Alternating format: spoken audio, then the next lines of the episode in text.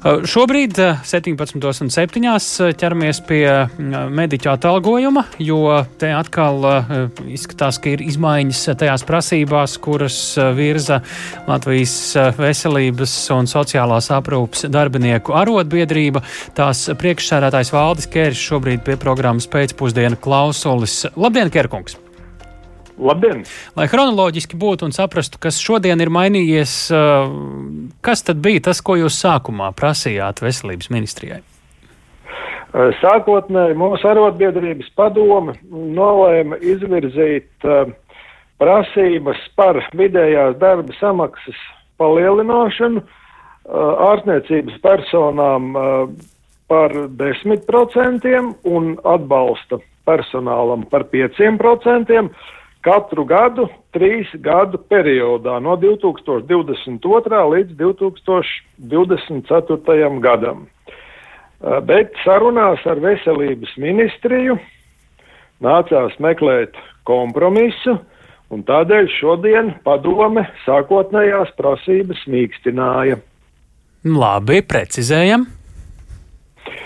Un uh, šobrīd uh, prasības ir uh, tādas, ka nākamgad, 2022. gadā, sākot ar 1. janvāri, ir jāpaukstina uh, tā vidējā darba samaksa, kas ārstniecības personām ir paredzēta pakalpojumu sniegšanas tarifā ministru kabineta noteikumos. Uh, izvirzot uh, šādu prasību, pareizāk sakot, mīkstinot prasību šādā veidā, uh, tika ņemts vērā tas, ka nākamais ir sēmas vēlēšanu gads, un, nu, var jau prasīt, protams, no pašreizējās koalīcijas, lai viņi kaut ko garantē arī pēc sēmas vēlēšanām, bet tas būtu samērā iluzori.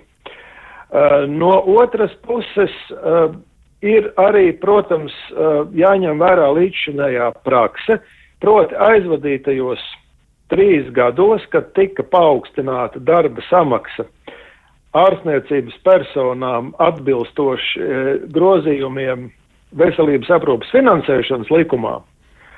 Šī paaugstināšana notika tieši tādā veidā. Paaugstinot ministru kabineta noteikumos attiecīgajos noteikto vidējo darba samaksu ārstniecības pakalpojumu tarifā. Arī darba devēja puse uzskatīja, ka izmaiņas tarifā būtu optimālais. Nu, mēs līdz ar to arī to respektējām, cik varējām. Jā, ko praksē tas nozīmētu izmaiņas tarifā, jo nu, ne visi uh, zina šo tarifu būtību, kā tas darbojas. Ja paskatāmies tā vienkārši, ko tas mainīs uh, maciņos uh, cilvēku no tā, ko jūs sākumā prasījāt, un kā tad tagad būtu? Ļoti, ļoti labs jautājums. Ja mēs ņemtu uh, to, kas ir tarifos, uh, reālā dzīvē labāk izskatās, bet runājot tikai par tarifiem, tad, ja izdosies mums ar ministriju vienoties par šīs prasības izpildi, un mēs esam diezgan tuvu tam, lai izdotos, tad ārstiem būtu uz papīra plus 186 eiro mēnesī nākamgad, māsām, vecmātēm, ārstu palīgiem plus 112 eiro un mā, uh, māsu palīgiem plus 75 eiro. Nu, bija jau šīs iepriekšējās vienošanās, ja ne pat likumā ierakstītās, uh, ko, kā, kā ar to iet saskaņā šīs? Tas tika izpildīts aizvadīto trīs gadu laikā. Mēs arī pārbaudījām gan to, kā ir mainījies šis te pakalpojumu tarifs.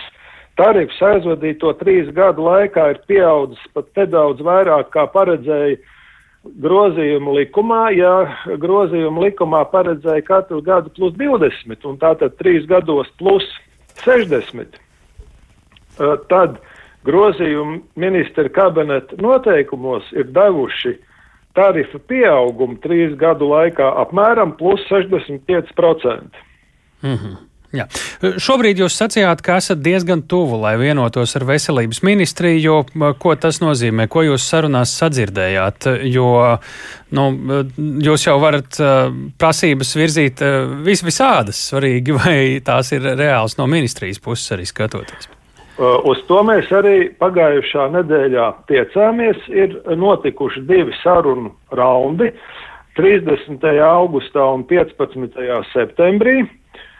Un 15. Uh, septembrī pagājušo nedēļu uh, ministrija, pamatojoties uz veiktajiem aprēķiniem, uh, teica, jā, šie plus 10% tarifam nākošgad būtu reāli. Tas prasītu papildus um, nedaudz vairāk par 75 miljoniem eiro. Protams, šī summa varētu būt vēl nedaudz lielāka, ņemot vērā to, ka tad pieaugs arī uh, darba samaksa uh, tiem mediķiem, kas strādā citās nozarēs, skolu māsām, uh, cietumu uh, Mm -hmm. uh, slimnīcā. Nu, tā arī svarīgi, starp citu, ja jūs reiz uz šo pusi ejat, uh, ko saka citas uh, medicīnas, uh, medicīnā strādājošas organizācijas, vai šim uh, ir jau bijušas sarunas arī un piekrīt arī ārstu biedrība, māsu asociācija, lauku, citi ģimenes ārsti, vai tas ir šobrīd tikai ar veselības sociālās darbinieks arotbiedrības un ministrijas sarunu rezultāts? Uh, ir tā, ka šis rezultāts patiešām ir uh, sarunās starp mūsu arotbiedrību un veselības ministriju. Uh, likums mums dod tiesības uz šādām sarunām. 7000 mūsu biedru tādu viedokli atbalsta. Mēs to arī realizējam. Mm -hmm. Ja pārējos neapmierina tas, ko mēs izcīnīsim, viņi var atteikties. Bet ticiet man, līdz šim arotbiedrība ir bijusi tā, kas izcīna darba samaksas pieaugumu un atteicies, nav vēl neviens. Jā. Cik šobrīd reāls ir streiks stāsts? Es ļoti ceru, ka uh, tāpat kā arotbiedrības padoma šodien mm, deva pilnvaras uh, izliekšanas komisijai kompromisu realizēt, parakstot vienošanos, ka tieši tāpat valdības puse dos atbilstošās garantijas veselības ministrijai.